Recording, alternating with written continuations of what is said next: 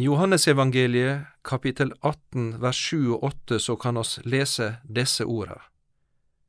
Kven leitar etter? Og dei sa Jesus fra Nasaret. Jesus svara, Eg sa dykk at det er eg. Er det da meg de leitar etter, så la desse gå. Ja, oss er inne nå i Jerusalem, i Getsemanehagen i de siste dramatiske påskedagene i Jerusalem. I bibelteksten som vi la oss nå, så er Jesus der med disiplene sine. Det er natt, sein kveld, etter påskemåltidet. Timen er kommet, og han rekker nå ut hendene som har velsigna og lekt så mange de siste åra. Og nå vert de hardhendt grepne av vaktstyrke og soldater og bundne sammen med stramme rep.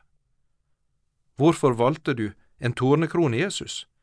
Du kunne fått en gullkrone så fin, for folkemengden ropte Hosianna, velsignet konge, sjansen var jo din. Ja, hvorfor valgte du den smertefulle døden? Et lite ord, og du var sluppet fri. Du kunne bedt din far å sende engler, det kunne vel fått folkesnakk på glid. Før han vart grepen og hendene bundne, vart de løfta mot himmelen, i bønn og kamp for det som skulle møte han. Det var Jesu egen kamp, og han kjemper den åleine. Alle de andre hadde sovna for meg høre. Evangeliet gir oss også innsikt i det han ba om. Far, om du vil, så ta dette begeret fra meg, men la det bli som du vil, ikke som jeg vil. Og en engel fra himmelen synte seg da for han og styrkte han. Og han kom i dødsangst og ba enda mer inderlig, så svetten hans fall som bloddråper ned på jorda. Hva var det som var så vanskelig? Var det den fysiske lidelsen som skremte han? Var det soldatane, vaktstyrken og Judas sitt svik? Nei, det var noe enda tyngre som gjorde han vondt å tenke på. Det var at all menneskeslekta si synd og skam nå skulle legges på skuldrene til den ene, reine og hellige. Budskapet om det som nå skal skje, har blitt forberedt i Guds hjerte ifra evighet av. Allerede da Adam og Eva fall i synd, så vart eit dyr slakta for å dekke det til.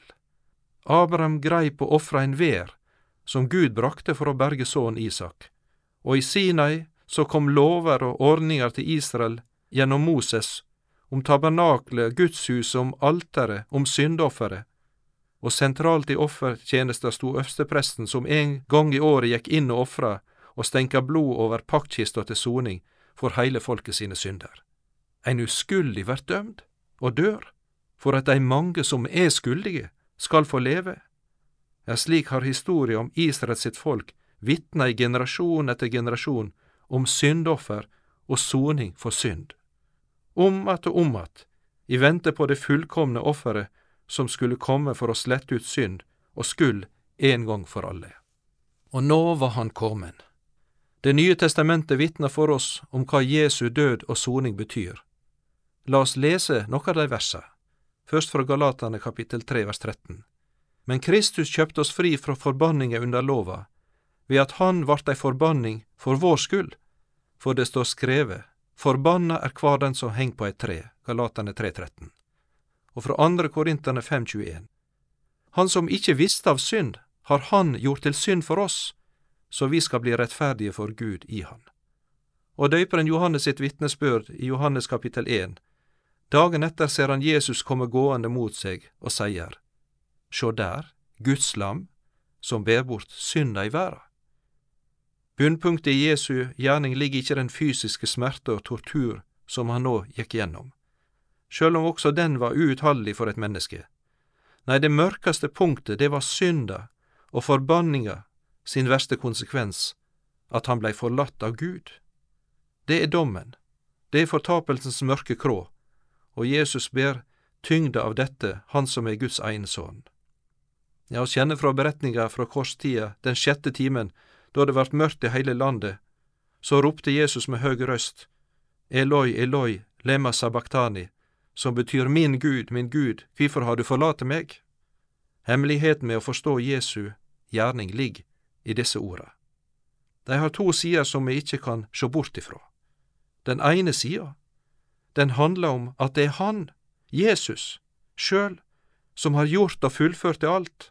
Han var, og han er, og han blei.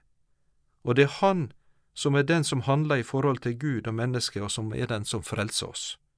I all verdensreligion så handler det om at det skal være vår gjerning og innsats, at mennesket sjøl gjøre og være og skal ordne. Men i Guds rike så er det et opp-ned-rike. Bibelens budskap om frelse, ja, det handler om det Gud gir, og det Gud gjør, og det Gud sjøl har gjort i Jesus Kristus.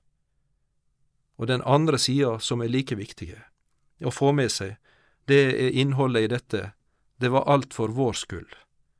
I Galaterbrevet så las oss det om, om dette med forbanninga under lova, at det var for vår skyld, og i Korinterbrevet så at han vart gjort til synd for oss, for meg, for meg og mine synder. For meg er det vanskelig å glemme vitnemålet til en messiansk jøde som heter Joel. Han forteller om sin vei til trua på Jesus eller Jeshua som Messias. Han og kona las i Det gamle testamentet og kom til Jesajas kapittel 53. De forsto ikke dette, men las det, og til slutt så fikk de hjelp av en venn som da trodde på Jesus, som fortalte ja, men det er Jesus, Jeshua. Og så kom de til tru på Han og fikk et nytt liv. Alt vart nytt. Alt vart nytt. Sannelig våre sykdommer har Han teke, våre smerter bar Han, vi tenkte Han er ramma, slått av Gud og plaga. Men Han vart såra for våre bråt knust for våre synder. Straffa låg på Han. Vi fikk fred, og ved Hans sår har vi vorte lekne. Ja, slik er den mann og den gjerning som da, vendt mot sine læresveiner, sier, la desse få gå. Amen. Andagsholder i dag var Jan Helge Aarseth. Serien produseres av Norea Mediemisjon. Les mer om oss på norea.no.